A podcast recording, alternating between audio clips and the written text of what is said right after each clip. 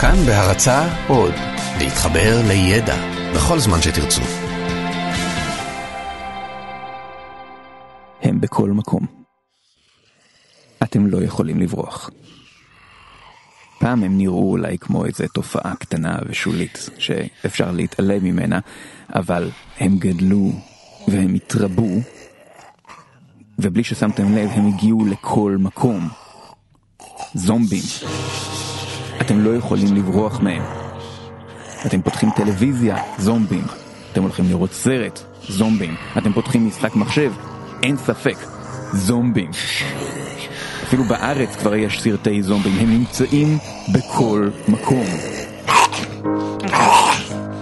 היי, אני דורון פישלר ואתם מאזינים למובן מאליו. כמובן זומבים לא באמת קיימים, זומבים הם המצאה, הם מיתוס, הם רעיון, אבל הם רעיון מאוד מאוד נפוץ היום.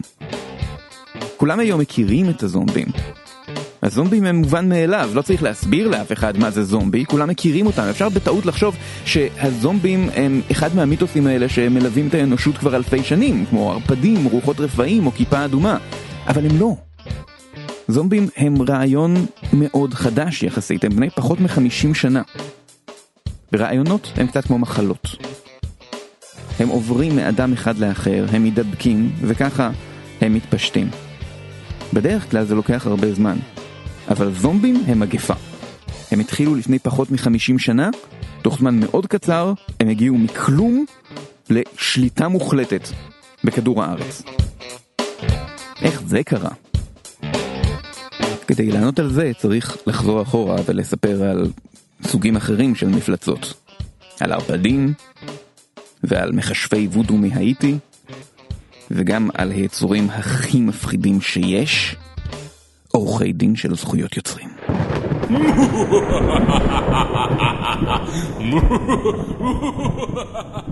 המתים תמיד מהלכים.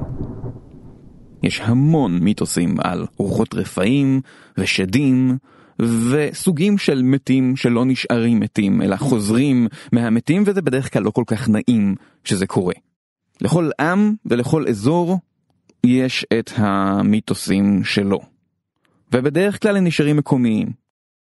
אתם לא שומעים על מיתוסים של עמים אחרים, וכשאתם כן שומעים עליהם הם נשמעים די מוזרים.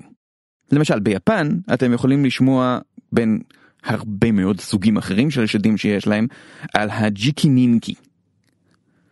ג'יקי נינקי קצת דומים לזומבים, הם אנשים שהם בין החיים למוות, הם לא חיים ולא מתים, הם נראים קצת כמו בני אדם רגילים, אבל רואים שהאור והבשר שלהם מתחיל להרכיב. הם מסתובבים בבתי קברות ואוכלים גוויות. הם לא נהנים מזה. והם יכולים לדבר איתכם ולספר לכם כמה שהם לא נהנים מזה.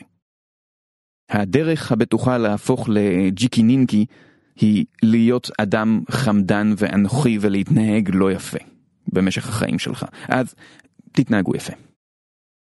בפיליפינים ובעוד מקומות בדרום מזרח אסיה אתם יכולים לשמוע סיפורים על אה, פננגלן, שהיא אה, ראש של אישה שמרחף וממנו תלויים הקיבה והמעיים שלה. שמדלדלים ממנה, וככה היא עפה בלילה ומחפשת נשים בהיריון כדי לשתות את הדם שלהם. אוקיי. גם ביהדות יש גלריה מרשימה של שדים ושל רוחות, יש דיבוק, שזאת רוח של מת שנכנסת בתוך גוף של אדם חי, אה, וישנם גם אה, שדים, לילית, אשמדי, כמה אחרים. שברירי הוא סוג של שד שחי במים וגורם לעיוורון, והדרך להביס אותו היא להגיד את השם שלו ולהפחית אותו. זאת אומרת, להגיד לו שברירי ורירי, רירי, רירי, זה כמו נא נא נחמן מאום, אבל הפוך. אמונה מקומית אחת כזאת היא אה, ערפדים. ערפדים התחילו בתור מיתוס של מזרח אירופה, רומניה וסלובקיה והסביבה, ואנשים באמת האמינו בזה. ערפדים היו אנשים שמתו, ואחר כך בני המשפחה שלהם או חברים שלהם התחילו לחלות או למות ולהיראות חולניים, וההסבר ההגיוני ביותר לזה היה שהמת חזר בלילה ומצץ להם את הדם. אפשרות אחרת הייתה שפשוט הוא מת מאיזושהי מחלה מדבקת ועכשיו הם נדבקו בה, אבל ההסבר הראשון יותר פשוט בזמנו. והדרך הבטוחה לרפא את זה היא להגיע בלילה אל בית הקברות, להוציא את המת מהקבר שלו ולתקוע לו יתד בגוף שתמסמר אותו אל הארון שלו כדי שהוא לא יזוז בלילה ויישאר בו. המיתוס המקומי הזה כנראה לא היה מתפרסם אה, בלי בן אדם אחד, ברם סטוקר, שכתב את הספר דרקולה. ברם סטוקר הוסיף כמה דברים למיתוס הזה, למשל את הרעיון שערפדים מפחדים מצלבים ושהם מתפוררים באור שמש ושאין להם השתקפות במראה, זה הכל רעיונות שלו. זה לא היה במקור, אבל זה מבוסס על המיתוס הזה. בזכות דרקולה, ערפדים הפכו לנפוצים בכל העולם, מכירים אותם בהרבה מאוד מקומות, למרות שהם קצת השתנו עם הזמן, הם היו נורא מפחידים פעם, היום הם לא כל כך מפחידים, היום הם בעיקר סקסים. הם כבר לא מתפוררים בשמש, הם מנצנצים. זה לא מאוד מפחיד. זומבים גם הם היו סוג של מיתוס מקומי, מנקודה אחרת בגלובוס, מהאיטי, המדינה בקריבים. שם, ורק שם, הייתה אמונה שמכשף וודו חזק יכול להקים מתים לתחייה, אבל הם לא יהפכו לאותם אנשים שהם היו פה קודם, הם יהפכו למשרתים חסרי בינה שלו. הוא שולט עליהם, הם כמו הרובוטים שלו, הם העבדים שלו, הם עושים רק מה שהוא אומר להם. אין להם יכולת מחשבה עצמאית. זה די מפחיד, אבל אנשים לא מפחדים מזומבים, הם מפחדים להפוך לזומבים בעצמם. היו אפילו סרטים שנעשו על הנושא הזה, ב-1932 יצא הסרט שהוא טכנית סרט הזומבים הראשון, כי המילה זומבי מופיעה בו, השם של הסרט הוא White Zombie, זומבי לבן, והוא מספר על זוג לבן שמגיע להאיטי, ויש מכשף מרושע שהופך את האישה לזומבית, ואז הגבר מציל אותה. אבל הזומבים האלה זה אמנם המילה זומבים, אבל הם לא באמת הזומבים שאנחנו מכירים היום. המושג הוא שונה. זומבים היום יש חוקים מאוד ברורים שמאפיינים אותם. דבר ראשון, הם מתים חיים. דבר שני, הם רפי שכל. הם לא כמו ערפדים שיכולים להיות מתוחכמים וחכמים, הם יכולים רק לדשדש קדימה, לגנוח, לעשות ואולי להגיד איזה מילה כמו בריינס. ושלוש, והכי חשוב, הם מתרבים בנשיכות. הם מנסים לאכול אנשים אחרים, ואם זומבי נושך אותך, אתה בעצמך הופך לזומבי. הם מתרבים כמו מחלה מדבקת. עכשיו, החוקים המדויקים משתנים, לא כל סרט יש לו את אותם חוקים בדיוק לגבי הזומבים ומה בדיוק, איך הם נוצרו ואיך הם מתפשטים, אבל בגדול זה זה. בגדול זה תמיד החוקים האלה, גם אם לפעמים טכנית הם אפילו לא מתים חיים אלא אה, תוצאה של איזושהי מגפה ביולוגית, כשיש אנשים חסרי מוח שזזים ומנסים לנשוך אתכם ואם הם נושכים אתכם אתם נהיים כמוהם, אלה זומבים, זה סרט זומבים. בהרבה סרטי זומבים יש גם את הטרגדיה של ההתחלה, של איך הכל התחיל. יש איזשהו חולה אפס, הזומבי הראשון, שאם רק היו עוצרים את זה שם, אם רק היו חוסמים את הזומבי הבודד הזה, הכל היה בסדר. המגפה הייתה נמנעת, העולם היה ניצל. וזה בדיוק מה שקרה למגפת הרעיון של הזומבים.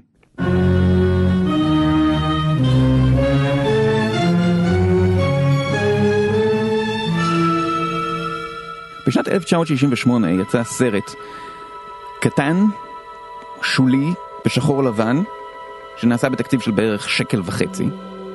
ג'ורג' רומרו ביים אותו והוא קרא לו Night of the Flesh Eaters, ליל טורפי הבשר. העלילה של הסרט הזה, היום היינו קוראים לו סרט זומבים. זה לפי הספר, יש בית קברות ויש שם איזשהו מת חי אחד, בלתי מוסבר, אף אחד לא אומר איך זה קרה, אם הוא התעורר בגלל איזשהו כישוף או בגלל אסון ביולוגי או משהו, הוא פשוט שם. והוא מדשדש קדימה והוא נושך מישהו, ומי שהוא נושך הופך להיות מת חי כמוהו ומדשדש וככה הם מתרבים, המתים הופכים לרוב ויש את הדילמות האלה של אוי הוא נשך אותי אז תהרוג אותי לפני שאני אהיה כמוהם וכאלה דברים. הסרט הזה היה די מצליח בזמנו ביחס לתקציב המאוד קטן שלו, אבל הוא לא היה איזשהו שובר קופות ענק, הוא לא היה להיט כלל עולמי שכולם מכירים. אבל, בנוגע לסרט הזה, התרחשה תקלה שגרמה לו להפיץ את מגפת הזומבים. וכדי להסביר אותה צריך לדבר קצת על עוד נושא אפל ומפחיד. זכויות יוצרים. זכויות יוצרים הם הרעיון שאומר בגדול שאם אני כותב משהו, הוא שלי. זה נשמע מובן מאליו, אבל זה לא. לא תמיד זה היה ככה. פעם אם מישהו היה כותב ספר, כל אחד היה יכול להעתיק את הספר הזה, ולא היה לאף אחד משהו להגיד בעניין הזה. אבל חוקי זכויות יוצרים אומרים שמהרגע שאני פרסמתי משהו, הוא שייך לי, ואף אחד אחר לא יכול לעשות ביצירה שלי שימוש בלי לבקש ממני רשות, וככל הנראה לשלם לי. אז אם לצורך העניין אני אישה סקוטית שכתבה ספר על ילד בן 11 שנשלח לבית ספר לקוסמים ושם הוא נלחם באיזשהו קוסם גדול שאסור להגיד את השם שלו והוא עף על מטאטאים, הסיפור הזה שייך לי. ואם מישהו רוצה לפרסם את הסיפור הזה, או לעשות סרט שמבוסס על זה, הוא צריך לשלם לי. וככה אני הופכת למיליארדרית. הלוואי עליי. ולא צריך לקרוא לסיפור הזה הארי פוטר כדי שהוא יהיה שלי. אם מישהו מפרסם ספר שעוסק בכלל בילד ברי פלונטר שיוצא לבית הספר מוגוורטס ושם כולם עפים על שואבי אבק, זה לא משנה. אם זה מספיק דומה, אם אפשר להוכיח שזה העתקה, אז גם הוא, אפשר לתבוע אותו והוא יהיה חייב לי כסף. הרעיון של זכויות יוצרים כמובן טוב מאוד ליוצרים, הוא לא כל כך טוב להתפשטות של רעיונות. למשל, הנושא השמיני גם הוא סוג של מפלצת ידועה, אבל לא כל אחד יכול לעשות סרט על הנושא השמיני, רק אולפן אחד שלא יש את הזכויות על המפלצת הזאת, רק לו מותר לעשות סרטים על הנושא השמיני. אבל אחרי שעובר מספיק זמן, זכויות היוצרים פוקעות, והן עוברות לנחלת הכלל, לפאבליק דומיין. דרקולה למשל הוא ספר שנכתב לפני הרבה מאוד זמן, ולכן היום הזכויות עליו לא שייכות לאף אחד. כל אחד יכול לעשות סרט או לכתוב ספר או לעשות מה שהוא רוצה על דרקולה ולא צריך לשלם תמלוגים לאף אחד. ב-1968 היה קיים חוק בארצות הברית שכדי לשמור על זכויות היוצרים שלך צריך להכריז על זה. צריך להגיד כל הזכויות שמורות לי, אחרת זה לא נחשב. ולכן כל הסרטים שיצאו באותו זמן, כשרואים את שם הסרט על המסך, אז למטה מופיעה שורה קטנה שבה כתוב כל הזכויות שמורות לאולפני זה וזה בשנת 1965. הם כותבים את זה בספרות רומיות כדי שתתבלבלו. אתם יכולים לראות בכל הסרטים הישנים מאותה תקופה, תמיד מופיעה השורה הזאת למטה.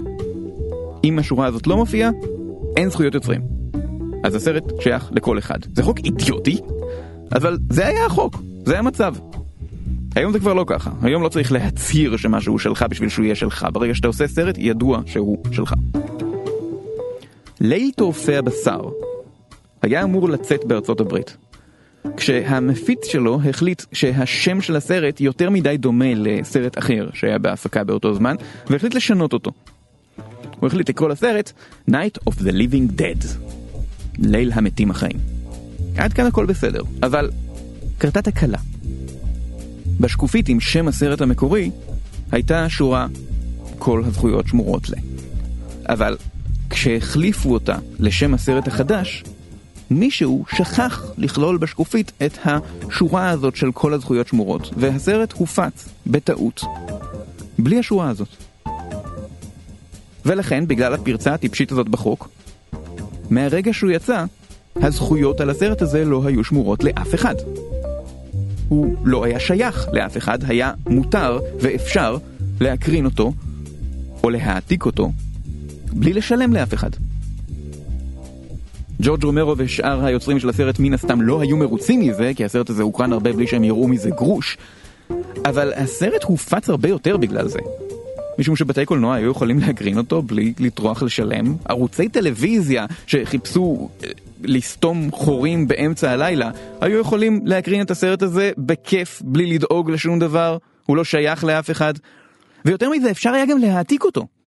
משום שאומנם לעשות סרט על ילד שנוסע לבית ספר לקוסמים ועף על מטאטאים אני לא יכול, אבל לעשות סרט על יצורים שקמים מהמתים ונושכים אנשים אחרים ואז הם הופכים גם ליצורים כאלה, זה בטוח. את זה אני יכול לעשות ואף אחד לא יכול לתבוע אותי שאני העתקתי ממנו, משום שהזכויות לזה לא שייכות לאף אחד. וככה, הטעות הקטנה הזאת, שהשאירו את השער פתוח, גרמה למגפה שלמה של זומבים. לא היה מה שיחזיק אותם במקום, לא היה מה שימנע מהרעיון הזה להתפשט, והוא באמת התפשט. הרבה יוצאי סרטים אחרים אהבו את הרעיון הזה והתחילו לעשות סרטים כאלה בעצמם. אפילו בין יוצרי הסרט המקורי הם התפצלו. ג'ורג' רומרו עשה עוד סרטים בסדרה הזאת, הוא עשה סרט המשך את uh, שחר המתים, Dawn of the Dead, ואחר כך Day of the Dead, ואחר כך עוד סרטי זומבים. השותף שלו לכתיבת התסריט, ג'ון רוסו, עשה ב-1985 סרט שהוא גם המשך, אבל אחר. Return of the Living Dead, שובם של המתים החיים, שהוא סרט מאוד טיפשי, אבל הוא עובד לפי החוקים של הזומבים, והוא הוסיף למיתולוגיה של הזומבים עוד דבר אחד חשוב. אצלו הזומבים לא רק גונחים, הם גם מדברים קצת. הם אומרים פריינס. משם זה התחיל. ולאורך כל שנות ה-80 היו הרבה סרטי זומבים, אבל הם היו ברובם עדיין סרטים קטנים ושוליים יחסית, שחובבי אימה הכירו, אבל אף אחד אחר לא הכיר. זה לא היה איזשהו ידע כללי שכל העולם מכיר. ב-1992, כשהסימפסונס עשו פרק שבו הופיעו זומבים, בארט מקריא את החוקים של הזומבים בתחילת הפרק. Chapter 8, let's talk zombies. If a zombie bites you, you become a zombie. You must walk the earth feeding on the brains of the living הוא אומר, אם זומבי נושך אותך, אתה הופך לזומבי ואתה משוטט ומחפש את הבשר של, ה, של אנשים אחרים. הם לא סמכו על זה שכל מי שצופה בפרק יכיר את החוקים של הזומבים וידע מה זה זומבים. כולם יודעים מה זה ערפדים, את זה לא צריך להסביר, אבל זומבים לא, וזה היה ב-92, זה לא היה כל כך מזמן. מאז 1992, הזומבים רק הלכו והתפשטו. הם הופיעו ביותר ויותר סרטים וסרטים יותר ויותר גדולים בסרטים כמו סדרת האויב שבפנים ואחר כך בשוברי קופות גדולים כמו מלחמת העולם Z עם ברד פיט. הם הגיעו לפריים טיים של הטלוויזיה במתים המהלכים אחת מסדרות הטלוויזיה הכי פופולריות בעולם היום. הזומבים עכשיו הם בכל מקום. וזה הכל בגלל הטעות הקטנה הזאת של זכויות היוצרים ששחררה אותם לחופשי ב-1968. למתים אחראים בסרט ליל המתים אחראים לא קראו זומבים. המילה זומבי לא מופיעה בסרט. היא גם לא מופיעה בתסריט.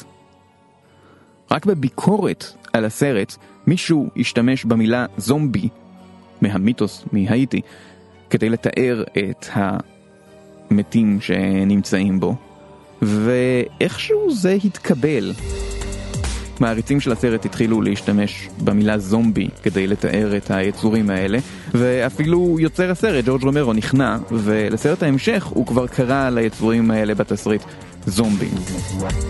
התיאור הזה נהיה כזה נפוץ שהיום כל מי שאומר זומבי מתכוון ליצורים האלה ולא למיתוס ההוא מהאיטי שהקשר שלו אליהם הוא מאוד קלוש.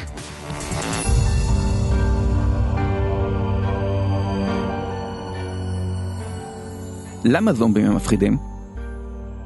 כמובן הם מפחידים בגלל שהם מכוערים והם הולכים יכולים לנשוך אותך ולהפוך אותך לזומבי וזה מפחיד אבל יש הרבה מאוד סוגים של מפלצות. למה הסוג הזה של המפלצת הרעיון הספציפי הזה נהיה כזה חזק? אפשר להמציא לזה הסברים פסיכולוגיים.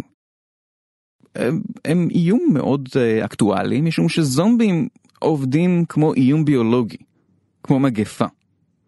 סארס, שפעת חזירים, זה משהו שמופץ כמגפה והופך אותך למשהו שאתה לא. ברור למה זה מפחיד. ואולי זה קשור לפחדים אחרים. היה מחקר לפני כמה שנים חצי רציני שניסה לכמת את הקשר בין ערפדים, זומבים ונשיאים של ארצות הברית. הם גילו שבזמן שלארצות הברית יש נשיא רפובליקני, נוטים לצאת יותר סרטי זומבים. וכשיש נשיא דמוקרטי יוצאים יותר סרטי ערפדים. שיש בזה איזשהו היגיון, משום שרפובליקנים, ימנים, שמרנים, הם מפחדים מערפדים. למה? כי ערפד, קודם כל, הוא מהגר. הוא זר. יש לו מבטא מצחיק, הוא לא מכאן. כן? הוא סקסי, הוא מפתה, ולכן הוא מאיים על ערכי המשפחה המסורתית.